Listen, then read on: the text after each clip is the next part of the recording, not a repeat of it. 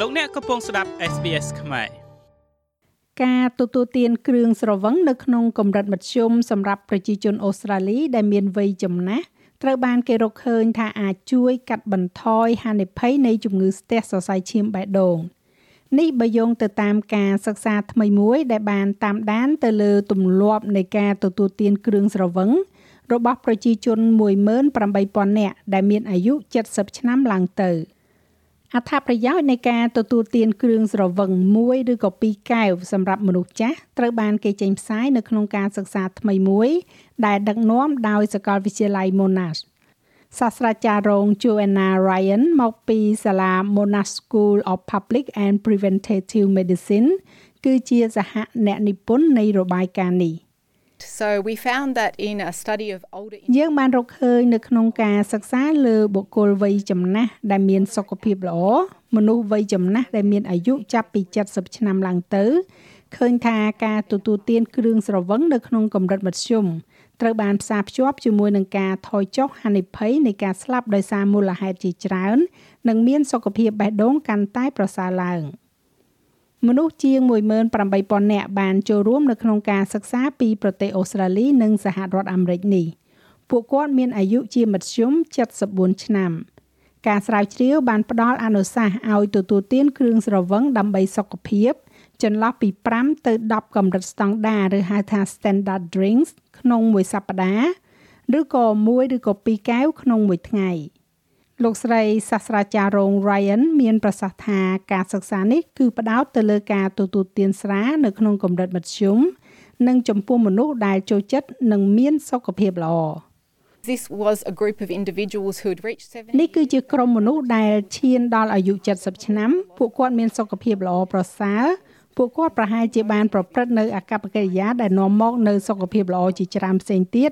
ដូច្នេះហើយចំពោះបុគ្គលទាំងនោះ យើងបានរកឃើញថាជាតិអាល់កុលនៅក្នុងកម្រិតទាបទៅមធ្យមនេះមិនមានគ្រោះថ្នាក់អ្វីឡើយដូច្នេះវាបានកាត់បន្ថយហានិភ័យនៃការស្លាប់របស់ពួកគាត់ពីមូលហេតុជាច្រើន បានកាត់បន្ថយហានិភ័យនៃជំងឺសរសៃឈាមបេះដូង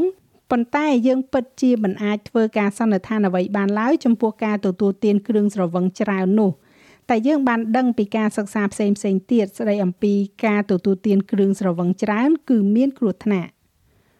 អ្នកចូលរួមត្រូវបានតាមដានក្នុងរយៈពេលពី3ទៅ7ឆ្នាំហើយគ្មាននរណាម្នាក់ក្នុងចំណោមអ្នកដែលចូលរួមទាំងអស់នោះមានបញ្ហាបេះដូងឬក៏ជំងឺធ្ងន់ធ្ងរផ្សេងទៀតស្រាប់ពីមុនមកនោះទេប៉ុន្តែអ្វីដែលអ្នកសិក្សាបានមើលរំលងនោះគឺថាហេតុអ្វីបានជាគ្រឿងស្រវឹងអាចកាត់បន្ថយហានិភ័យនៃជំងឺសរសៃឈាមបេះដូងបាន។ សាស្ត្រាចារ្យ Ryan មានប្រសាសន៍ថាការសិក្សាពីមុនមក បានបង្ហាញថា សារធាតុប្រឆាំងអុកស៊ីតកម្មដែលមាននៅក្នុងស្រាក្រហម អាចមានប្រយោជន៍ប៉ុន្តែវាក៏មាននៅក្នុងបន្លែនិងផ្លែឈើដូចគ្នាដែរលោកស្រី Julianne Mitchell នៃមូលនិធិបេះដូង Heart Foundation មានប្រសាសន៍ថាគ្រឿងស្រវឹងមិនត្រូវបានចាត់ទុកថាជាផ្នែកមួយនៃរបបអាហារដែលមានសុខភាពល្អនោះទេ ហើយការរកឃើញនេះគួរតែត្រូវចែកជូនដោយប្រុងប្រយ័ត្ន We have to interpret the findings cautiously យើងត្រូវតែបកប្រែការរកឃើញទាំងនេះដោយប្រយ័ត្នប្រយែងហើយពិតណាស់ការសិក្សាមួយមិនបង្ហាញអំពីភាពត្រឹមត្រូវនៅក្នុងការផ្លាស់ប្ដូរអនុសាសន៍ឬក៏ទស្សនៈនោះទេខ្ញុំគិតថាប្រសិនបើមនុស្សប្រកាន់ខ្ជាប់នៅការណែនាំរបស់ក្រមប្រឹក្សាស្រាវជ្រាវសុខភាពនិងវិទ្យាសាស្ត្រជាតិ NHMRC ហើយជាការពិតមូលនិធិបេះដូងស្ដីអំពីការណែនាំអំពីគ្រឿងស្រវឹងនិងសរសៃឈាមបេះដូងនោះការទទួលទានគ្រឿងស្រវឹងនៅក្នុងកម្រិតមធ្យមត្រូវបានណែនាំហើយប្រសិនបើអ្នកមិនទទួលទានគ្រឿងស្រវឹងទេ វាក៏គ្មានហេតុផលអ្វីដែលអ្នកត្រូវចាប់ផ្ដើមទទួលទានវានោះដែរ។ វាហាក់ដូចជាជនជាតិអូស្ត្រាលីវ័យចំណាស់ជាច្រើនដែលចូលចិត្តទទួលទានគ្រឿងស្រវឹងកំពុងតែស្ដាប់សារនេះយ៉ាងយកចិត្តទុកដាក់ចំពោះការទទួលទាននៅក្នុងកម្រិតមធ្យម I love red wine I'm not I don't like chardonnays and things បរិះម្នាក់និយាយថាខ្ញុំចូលចិត្តស្រាក្រហមខ្ញុំមិនចូលចិត្តស្រាសនិងរបស់ផ្សេងទៀតនោះទេដូច្នេះខ្ញុំផឹកស្រាក្រហមហើយផឹកប្រហែលជា1ភាគ3នៃកែវជារៀងរាល់ថ្ងៃ បរិបម្នាក់ទៀតនិយាយថាខ្ញុំចូលចិត្តផឹកប៉ុន្តែខ្ញុំមកពី Mildura ហើយតែងតែក្តៅនៅទីនោះប៉ុន្តែបើសិនបើខ្ញុំធ្វើការពេញមួយថ្ងៃខ្ញុំចូលចិត្តផឹកមួយកែវពីរកែវតូចអីអញ្ចឹងទៅចំណែកឯស្ត្រីម្នាក់ទៀតនិយាយថាយើងទទួលទានអាហារហើយក៏ផឹកបន្តិចបន្តួចទៅ